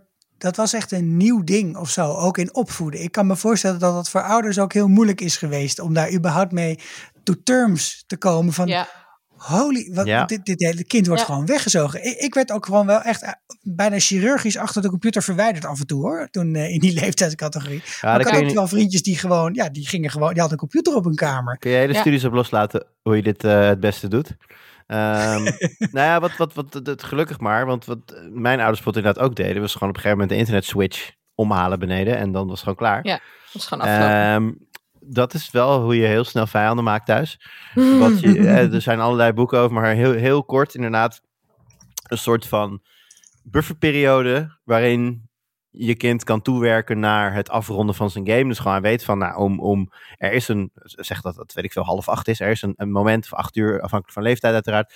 Moment van, dan gaat het uit. Dus om half acht krijg je een waarschuwing van, joh, van half, over een half uur gaat die onherroepelijk uit. ja, je Dus gaat denk nu goed na over wat je nu nog aan, waar je nog aan gaat beginnen. Ja, En Oké, dan, en dan alleen weet maar je wat dat. wild boars doodmaken. Oké. Ja, nee, maar ik bedoel, dat is wel. ehm, eh, kijk, zeker nu. eh, kinderen spelen Fortnite, alles is online. Dus als je nu ineens de Switch omhaalt, dan ben jij die vader of die moeder die ja, eh, het niet snapt en verschrikkelijk is. En, en, en Oh, wil je ja. nooit meer spreken en dat soort dingen. Eh, terwijl als je het inderdaad met beleid doet. Kijk, zo'n potje Fortnite duurt, nou, wat is het? Als je snel doodgaat, heel kort. Maar eh, maximaal 15, 20 minuten. Dus eh, ample warning wil, kan, kan, kan veel helpen in de, ja. in, de, in de relatie met je kinderen op dat, op dat vlak. Ah, om dan nog even terug te komen naar de film. Ik vond dat eh, belangrijk, ja. Tiffany Trinity hier die switch wel heel snel omhaalde. Dus zij gaat eigenlijk van, oké, ik ga met mijn kinderen toch mee. Tot, en dan is Chad, op, die zegt dan Tiff. En dan wordt ze heel boos op hem. En dan denkt ze, wacht, eigenlijk ben ik gewoon Trinity. Fok mijn man, fok mijn kinderen. En dan laat ze ze achter. Maar wat Heel ik raar. toch de hele tijd gek blijf vinden. Kijk, dat deze mensen zitten in de Matrix en zijn niet bewust of zijn, worden gemanipuleerd door een systeem en moeten eigenlijk gered worden. Maar dan vind ik het alsnog behoorlijk wat om jouw man en je drie kinderen achter te laten in een eh, toch behoorlijk explosieve situatie. Ja, maar ook, maar ook, maar like that. Huh? Ja, Want, in, want ze, ze gaan in het gesprek en eigenlijk, hè, want de, de, de, de, de, de medestanders zitten natuurlijk buiten de Matrix mee te kijken. En die zeggen, oh, eh, Neo was wrong, weet je wel. Want Ja. in eerste instantie loopt ze naar haar kinderen en haar man toe. Want eh, er Ja. ligt iemand in het ziekenhuis, eh, daar moeten ze naartoe. Zij zegt, ja, sorry, ik, ik moet dit doen. En, en dan is ze bij de deur en dan ineens denkt ze... F Nee, this, toch. F this shit. Ik ga, ik ga, ik ga... Nee, ik ben... En just like that. Ik vond dat zo gek. Het was, het was gewoon echt best wel een rare, hele snelle move. Waarvan ik dacht, nou, daar had echt wel even iets meer achter mogen zitten. En eh, ook iets meer. Ja, en ook gewoon wat meer uitleg over wat er dan eigenlijk met die man en die kinderen gaat gebeuren. En hoe ze dat dan ziet. Of dat ze daar dan nog spijt van heeft. Ik vond het was ook een soort van midlife crisis moment, wat mij betreft. Ehm, maar eentje waarvan ik, waardoor ik niet per se meer sympathie kreeg voor dit personage. En ook niet voor de vrijheidsstrijders die haar er per se uit willen hebben. Eh, en dan kan het nog allemaal zo voor de greater good zijn. Maar ik vond dan in dit geval toch wel, waar strijd je dan precies voor? Voor wiens vrijheid ben je nu aan het strijden? Daar zat bij Ja. mij even een soort van eh error momentje. Ik, ik, dat, dat hangt natuurlijk, dat valt of staat met wat de status van die man en die kinderen is. Kijk, ik, zijn het daadwerkelijk inderdaad mensen die eh, gered moeten worden? Of zijn het programma's die geschreven zijn om Trinity slash Ja. Tiffany? Ik kreeg dat laatste gevoel. Ja, dat heb ik ook wel hoor. Dat, heb, dat idee heb ik ook wel. Maar ik weet het niet zeker. Het zou inderdaad ook best wel mensen kunnen zijn. Ik, het, kijk, volgens mij is het ding, iedereen is gewoon mens, maar iedereen kan overgenomen worden door de swarm. Ja. Dus, dus, dus beiden zouden waar kunnen zijn. En dan heb je wel weer een punt. Want dan zijn het dus inderdaad mensen die. die maar ja, goed, ze komen wel echt heel duidelijk in actie op het moment dat Mhm. Neo inderdaad in de buurt komt van, van, van Trinity. Dan staan ze er ineens altijd. Dus het heeft voor mij wel heel erg inderdaad, wat Sikko ook zei, van eh, een soort van beveiligingsmechanisme om Trinity Ja. heen. Ja, nee, Ja, dat is zo. Maar ziet zij dat dan ook meteen al zo in? Of is zij hier gewoon nu een hele egoïstische keuze aan het maken? Wat ik ook dat bedoel, in, dat in primaire zin lekker, eh, maar... is ze dat aan doen. Maar ze wordt natuurlijk wel gelijk in het gelijk gesteld, omdat er zo vreemd op gereageerd wordt. Ja. En misschien ook om, om inderdaad al die verschillende typen dan nog even eh, iets, iets helder te krijgen. Ik denk dat als ik het nu goed heb begrepen, zijn er in de Matrix gewoon heel veel mensen. Maar Mhm. er zijn in de Matrix ook programma's die een Ja. mens lijken. Mhm. En mijn gevoel is dat haar familie dat is. Mhm. Zo zijn, en er zijn ook in de echte wereld zijn er ook programma's die zichzelf kunnen manifesteren als verschijningsvorm in de echte wereld. En dat is dus Morpheus met zijn eh half Ja. rare magnetische ding. Ja. En dan hebben we ook nog dingen die machine zijn in de echte wereld en een soort van half morph zijn richting de Matrix toe. dus het is, het is nog wel een eh, vrij heftige hodgepodge van eh, verschillende verschijningsvormen. Ja, ook daarvan had ik dus best nog wel wat meer af en toe eh, de onderdeel willen zien van het plot, zeg maar. Dat dat Ja. echt werd uitgewerkt. Maar Nou, en laten we dan denk- nog even door naar, naar Smith. Ah ja.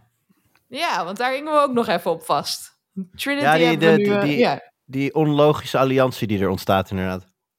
ja, want dat is dus ook een eh, programma, toch? Heel eerlijk, ik heb net zoals jij niet helemaal begrepen waarom die alliantie ontstaat. Ik kan hem wel beredeneren, namelijk ook weer, de analist is op zoek naar source code van The One. Aha. De enige die tot op heden Agent Smith, want dat is natuurlijk een soort van, eigenlijk een virus, hè? Het is een rogue, pro, het is een rogue program die ja, buiten de, de wetten van de Matrix om opereert. De enige die hem heeft kunnen stoppen is Neo ooit geweest. Ja, als de, als het, als de machines de power hebben om zo iemand, zo'n soort programma slash The One neer te zetten, dan is dat natuurlijk gewoon een bedreiging voor het programma Agent Smith. Dus dat zou het logisch maken dat hij van de analyst af wil. Ja, oké. Ja, het, het is misschien. Maar dat is even- mijn, dat is mijn interpretatie. hè. Ik zeg niet dat Ja. dit zo is. Nee, hoe hoe ik hem heb gelezen, de, de Matrix is eigenlijk een vrij oud filosofisch vraagstuk over is er vrije wil of is het determinisme. Mhm. Gaan we gewoon, zal alles altijd zich zo ontpoppen en uitvouwen als het al was gepland en eh, één begin staat en dus ook één eind staat? Of is er een mogelijkheid om ergens tussendoor iets te doen wat niet vooraf bepaald was? Mijn interpretatie hiervan is dat eh, door de situatie die ontstaat, dat Smith voor het eerst in zijn bestaan als programma ruikt aan de mogelijkheid dat niet zijn enige doel in het leven zou zijn om Neo tegen te werken. Ja. En omdat hij dat begrijpt en proeft, denkt hij: hé, hey, maar als ik nu samenspan met hem, dan kan ik die analyst eruit werken. Maar waarom krijgt Smith dat nu wel door en in eerdere versies van de Matrix niet? Is dat dan omdat er iets veranderd is aan zijn code? Is dat een update met een bug erin? Komt het door de aanwezigheid van het personage Bugs dat alles aan het ontregelen is?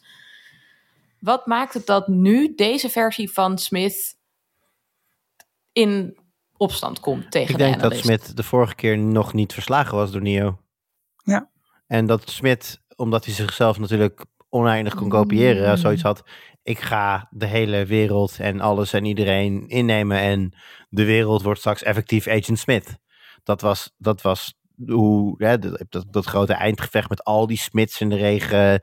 En dan hè, de, Mhm. de original one die het dan tegen Neo gaat opnemen. Dat is vrij iconisch natuurlijk. Ehm, L rond, L rond. ja, precies dat.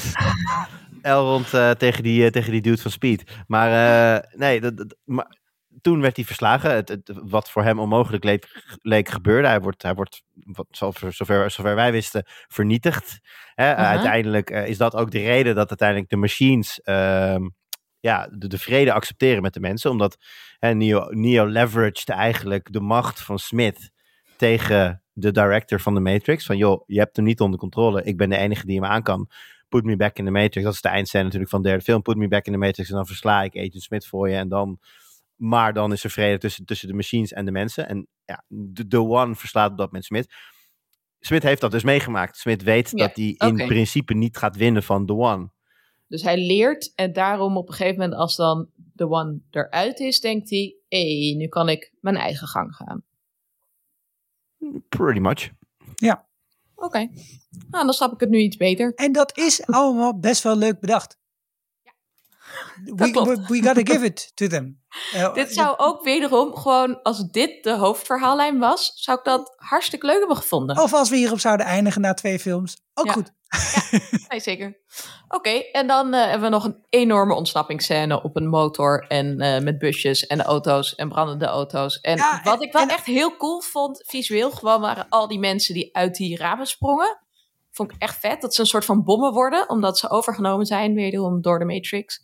En eh Neo moeten killen. Dat vond ik echt er Super heel mooi uitzien. Heel weird. Maar ja, het was wel gek. Ja, nee. Nou- dat, dat, dat, nou, zeg jij maar eens maar Siggo. Ik heb al zoveel gepraat. Ja, hier is, hier, hier is niet zo heel erg geleerd van de, de, de derde film vooral van de trilogie. Want eh, die, dat, dat, ik dacht dat het in die was dat de scène zit waarin Smith zichzelf zeg maar duizend keer kopieert. En dat hij dan tegen duizend Smiths aan het vechten is. En op een gegeven moment aan het paal, aan het paal, dus twaalf, eh, twee. Ja. Is hij aan het paal dansen en dan trapt hij ze allemaal Ja. in het gezicht en weet ik wel niet meer. Ehm hè, daartoe konden ze ook dingen met CGI en dachten ze, oh dat is tof, want dat is nog nooit gedaan. Ja. Maar volgens mij is, is dat eigenlijk een van de allereerste momenten in de filmgeschiedenis waarin bewezen werd dat zeg maar iets gewoon heel grootschalig aanpakken en heel veel shit gerenderen en dat laten vechten met elkaar. Dat dat uiteindelijk een soort van eh, 10.000 chickens versus 10 Tyrannosaurus Rexes YouTube filmpjes worden. Eh, gewoon vermakelijk. vermakelijk. Maar wat zegt het nou eigenlijk? Niet, maar dit, het, is, het, is, dit, ja, het is gewoon een overkill of zo. En dat had ik hier ook met die SWAT-teams. En weet ik wat ik op een gegeven moment dacht. Ja, het is ook net zo spannend met z'n vieren, toch? Weet je, de, Ja. een van de allercoolste scènes is die scène waarin ze met z'n tweeën binnenkomen in die hotellobby. Ja. En die helemaal aan de getvertiefers geschoten wordt. Met allemaal gewoon hartstikke eh, real effects. Dat is een van de meest fantastische scènes die ooit gemaakt is. Ja. Ja, da- da- da- daar hadden ze niet zeg maar 50 of ze 500 swats voor nodig. Dat waren zeggen- gewoon 12 of zo. Hou het klein. Hou het dicht Ja. bij jezelf. Dat, Nou, dat en- is echt een ding voor de Matrix. Matrix wil heel graag heel groot. We hebben, hè, we hebben de snelwegscène en dat soort dingen. Maar die film vond ik de sterkste scènes. De suspense die plaatsvindt in de Merovingians. eh nou, ja. Het is niet echt een gebouw, het is natuurlijk een computeromgeving. Maar hè, met, die, met, die, met die vrouw van hem die dan een, een, een, echte, een echte zoen wil ervaren. En daar, Oh, daar ja. zit zoveel meer filmkwaliteit in dan, dan, dan dat stukje op de snelweg. Waarbij die twee eh, tweeling, tweelingbroertjes, rasta's, eh, die door muren kunnen bewegen achter Trinity en Neo Ja, die, aankomen. die, die samen een tuinprogramma hadden, toch? Ja, ja.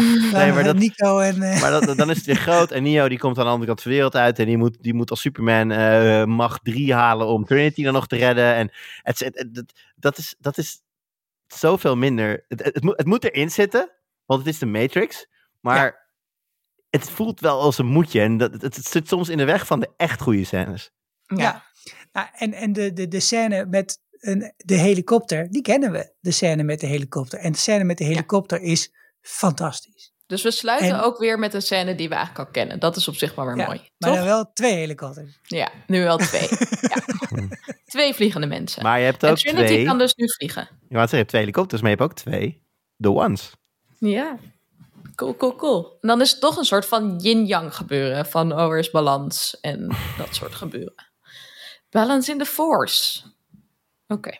Dat is een andere, dat is een andere universum. Andere Ehm. En na die hele ontsnapping en eh, een soort deo, dea ex machina hebben we dan dus eigenlijk in Trinity. Eh, na Zie, dat, ontsnapping... zie de vervoeg, hè? Die vervoegd, jongen. Ja joh, doe ik gewoon, schud ik gewoon even uit mijn, uit mijn mouw. Krijgen we nog een epiloog. Want Neo en Trinity die komen weer terug naar de Matrix... en komen nog even langs bij de Analyst. En ik snap het punt van deze scène eigenlijk niet zo heel erg goed. Wat, eh, wat hebben jullie ervan gemaakt? Ik had meer gewoon even laten zien dat ze badass zijn. Ja, gewoon even. Hè, want eh, de analyst wordt natuurlijk ook neergeschoten door, door Smit. Dus, dus, dus punt 1, laat zien dat, dat de analyst niet per se weg is omdat je hem neerschiet. Hm. Eh, het is natuurlijk een programma, dus die wordt gewoon, die wordt gewoon ja, rebuild, eh, neergezet. Ja. Even eh, terug naar systeeminstellingen en weer door. Ehm, maar eh, ja, even laten zien. Ze komen natuurlijk ook weer in hun, in hun ja, kenmerkende Matrix-style. Eh, ineens hebben ze hun oude zwarte jassen weer gevonden. En eh, met, met de zonnebril en alles erbij. even Ja, ik laten... miste die scène dat ze die, dat, dat aantrokken, Ja. zeg maar, in die witte maar- ruimte. Maar voor de epiloog hadden ze die weer gevonden, even uit de kast gehaald. Toch een beetje zoals een red Ja. carpet event, denk ik. En dan, eh, ja, dan even, even laten zien van, hey, we zijn er weer, we zijn de baas. Onthoud dat. bitches. Ja, Ja, een beetje dat. Dat, is, dat, dat is, dat is me- meer betekenis dan dat. eh, had ik er zelf niet echt eh, in, in gezocht ook. Maar zijn Dus- ze dan nu de baas in de Matrix? Of zijn ze, kunnen ze nu de Matrix veranderen? Want ze gaan rainbows tekenen in de sky. ja, dus ze dat- zijn er dus weer uit. Dat is het hele ding natuurlijk. Hè, eh, Neo werd gered door de machines, werd door de machines weer in de Matrix gezet, samen met, eh, met Trinity. Ze zijn Ja. daar dus weer weg. Ze zitten niet meer in die pot. Ze zijn nu gewoon weer bij de mensen buiten de Matrix. Dus zij hebben in, inderdaad in principe de macht weer om de Matrix in te gaan en daar de baas te zijn. Dus wat voor, ik Oké. weet niet of ze de Matrix kunnen veranderen, maar wat voor Matrix de machines ook neerzetten, zij kunnen erin en zij kunnen daarin, ja, de, wat de machines daar doen, eh, kunnen ze controleren en nou ja, is er Ja. e- eventueel opstandig gaan, eh, gaan gedragen. Ja, nu heb je twee van die, eh, van die badasses. Oké. Ja, ik zie dit wel een beetje analoog aan de scène uit de eerste Matrix, waarin hij zeg maar de kogels tegen kan houden in de Matrix en dat hij dan hè, hem ziet ademen als een onderdeel ervan. Vervolgens natuurlijk het moment waarop hij buiten de Matrix zo'n zo'n Sentinel tegen kan houden. Dat je denkt, oké, nieuwe regels. Ja. cool. En nou, dit was nog het stuk waar ze gewoon met hun gedachten zijn onderkaak konden dislocaten en weer terug konden zetten. Daar hebben we het toch over? Ja, Ja, en dat, dat betekent, ik weet niet of ze de baas zijn van de Matrix nu, maar ze geven hier aan de analyst aan dat ze maar, eh, ja, you don't have shit on us, want Ja. we kunnen gewoon met dit, Ja, kunnen we doen wat we willen. ja ze, Precies. snijden, ze snijden keel door en daarna fixen ze meteen weer en dat soort dingen allemaal. ja. Ja. oké. Dus ze hebben wel echt nieuwe macht. En het is een beetje zo van, hey, geen geintjes uithalen om te kopen. Gewoon af en toe even checken hoe het hier gaat. Ja, Ja. Eigenlijk gewoon mafiosi geworden. Eigenlijk zijn ze gewoon Precies. mafiosi geworden. Nou, We vind ik leuk. Daarom ook die kat, hè? money. Dat ze dan zo lekker evil met die kat zo eh, zitten. Leuk. Ja, en de vraag is dan inderdaad wel rechtvaardigd. Want wat, waarom moet deze scène er nog achter? We hebben best wel door dat, eh, dat, dat ze heel machtig zijn. Ja, weet ik, dat- ik weet, maar hebben we, hadden, we, hadden we al door, want we hebben, eh, we- het laatste wat je zeg maar ziet is dat ze, eh, ze weten dan te ontsnappen uiteindelijk. Nou, de analist is natuurlijk dood. Ehm het is er in, voor, voor wat we hebben gezien, doodgeschoten door Smit.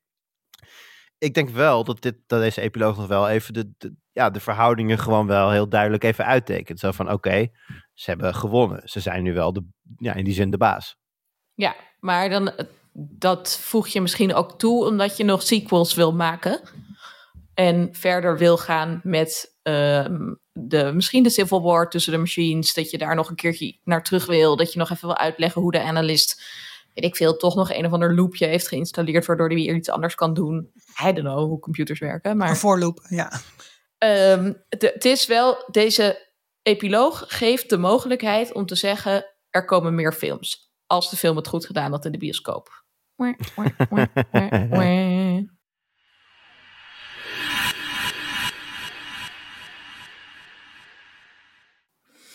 Dus de deur staat open naar sequels. Of ze gaan komen, weten we nog niet. Dat eh, zal de tijd ons leren. De film heeft het in de bioscoop dus niet zo heel erg goed gedaan. Maar misschien is het nog leuk om het even te hebben over... als er sequels komen, wie we dan graag willen terugzien. Wie onze favoriete personages waren in deze film.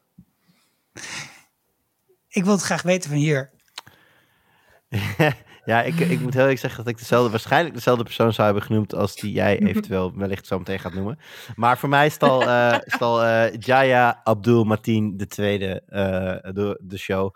Oftewel, eh, nieuwe stijl Morpheus. Ik vond hem toch in zijn... eh, hij maakt er ook een beetje een spelletje van. Hij, op een gegeven moment probeert hij zeg maar een soort van dramatische entrance te maken. Want dan refereert hij ook naar, naar die, dat moment dat, dat, Morpheus uit de schaduw stapt en dan tegen tegen Neo zegt van, van iets van at last of finally of zo. Ik weet even niet meer hoe de quote precies was.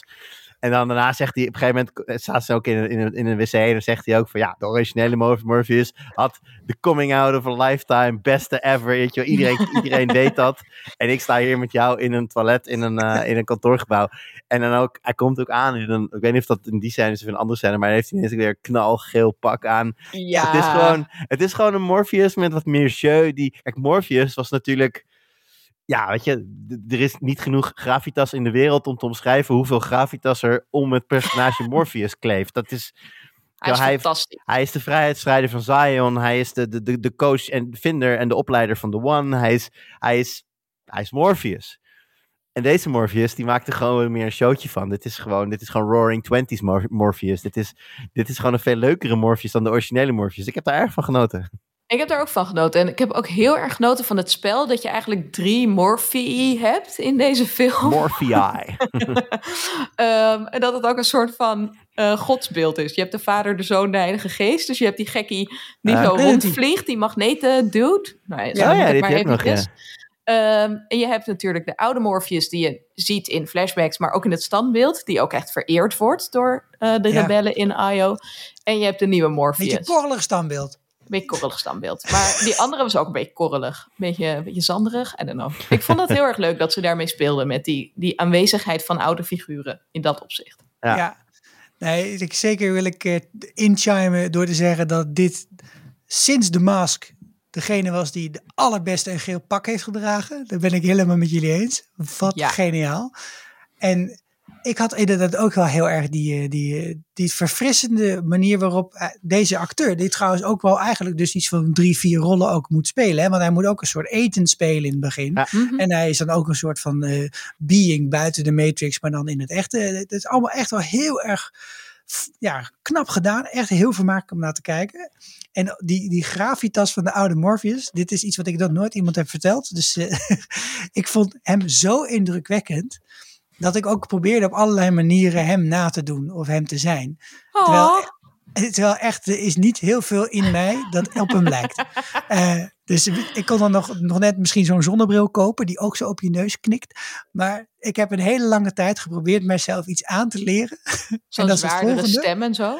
Nee, nee, nee, nee dat, dat, dat- ik dacht dat gaat niet lukken. Maar Morpheus, moet je maar eens kijken in de oude films, als hij loopt, dan heeft hij zijn armen achter zijn rug. Ja, En hij houdt Ja. zijn armen, die houden zo elkaar vast. ja. Ja. En dat heb ik echt een half jaar geprobeerd om daar mijn ding van te maken. En dat failed completely. Ja. Ja, het Ja, dat ik klopt, denk ook ja. dat Het het is gewoon wel- heel raar is. Dat jij er door, door de gang met je kluisjes liep als 13-jarige. En dat iedereen Ja, van, oh, daar heb je weer handen onder je sicko met zijn armen. Oh god. Nee, maar Wel kom op, mooi. dit, dit, dat, dat is toch ook zo ongelooflijk typisch aan de oude Morpheus. Die, die, had allemaal van die mannerisms. Die was zo knap bedacht. ja. Ja. Oké, maar wie was dan je favoriete in deze film? Ja, natuurlijk was het Jonathan Groff als Agent Smith. Eigenlijk was dit ook jouw favoriete, toch Jur? Nou ja, kijk, ik heb een, een, een groot zwak voor Hamilton the Musical. Ja, Wij ook. Daar is hij natuurlijk eh, bekend als de originele King George III. En ik vind ook de Frozen films erg leuk. En daarin is hij, eh, volgens mij, Christoph.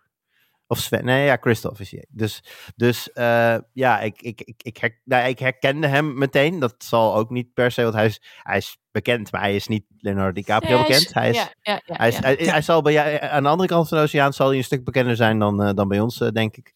Eh, Mhm. dus, dus, dus de meeste mensen zullen hem niet meteen herkennen. Maar ik, ik, ik zag gewoon meteen inderdaad King George III. Dus dat, voor mij was dat... Ja, dan heb je mij al meteen heel erg veel goodwill te pakken. Dat heb ik ook bijvoorbeeld als eh David Dix, die we ook nog wel eens opduiken in, eh, in een serietje of een, of een film ergens. Ja, Ja. dan zit je, zit, je, zit je bij mij gewoon geramd. En dan hoef, hoef je eigenlijk al niks meer te doen. Ben je gewoon... Ja, dus Nee, binnen.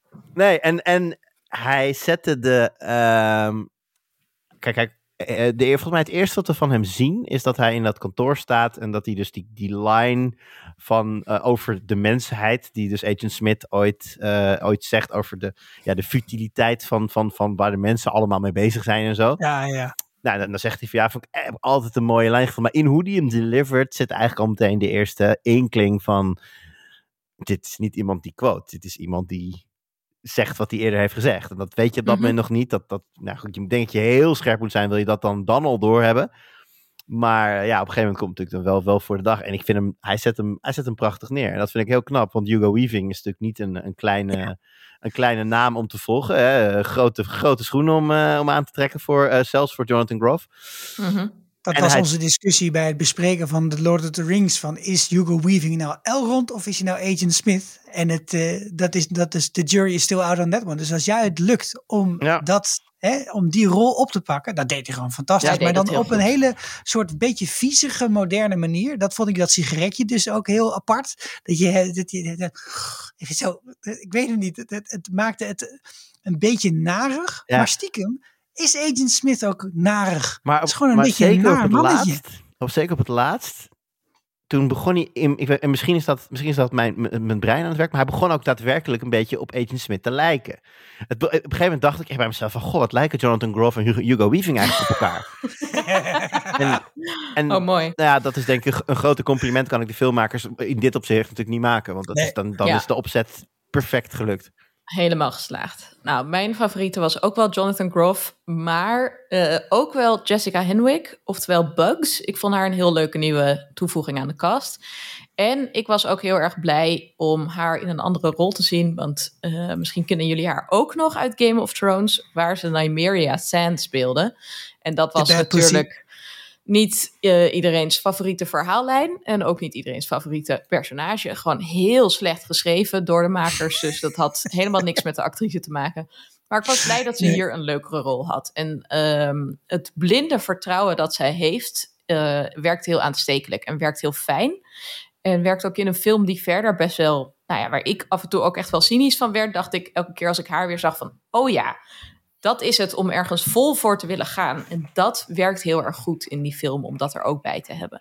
Dus als er nog een vervolg komt, dan hoop ik heel erg dat ze daar eh, meer met haar rol gaan doen. Daar zijn we mee aan het einde gekomen, denk ik.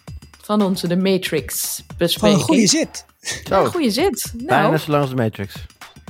Ja, een uurtje korter. Valt dat toch weer mee, hè? Als je het zo in perspectief plaatst. film. Dat is echt een lange film, zeker. Hey, de komende tijd maken wij eh, nog meer afleveringen over HBO. Onder andere gaan we praten over Station 11. Luister ook eerdere afleveringen terug van de Vierkante Oogshow. Game of Thrones bijvoorbeeld. Eh, de Star Wars eh, zit er net op. Eh, eerder natuurlijk de Lord of the Rings reeks. En de Harry Potter afleveringen zijn inmiddels echte klassiekers. Dus als je die nog niet geluisterd hebt, doe dat dan zeker. Ehm, we zijn volgende weer, week weer bij je terug in je podcast-app. En heel erg bedankt voor het luisteren. Als je nog iets op te merken hebt, aan te merken hebt of te vragen hebt, doe dat dan via vriendvandeshow.nl slash vierkante ogen. Of vind ons op Twitter. Als je in het zoekvakje vierkante ogen show intypt, kom je heel eind. Tot de volgende keer.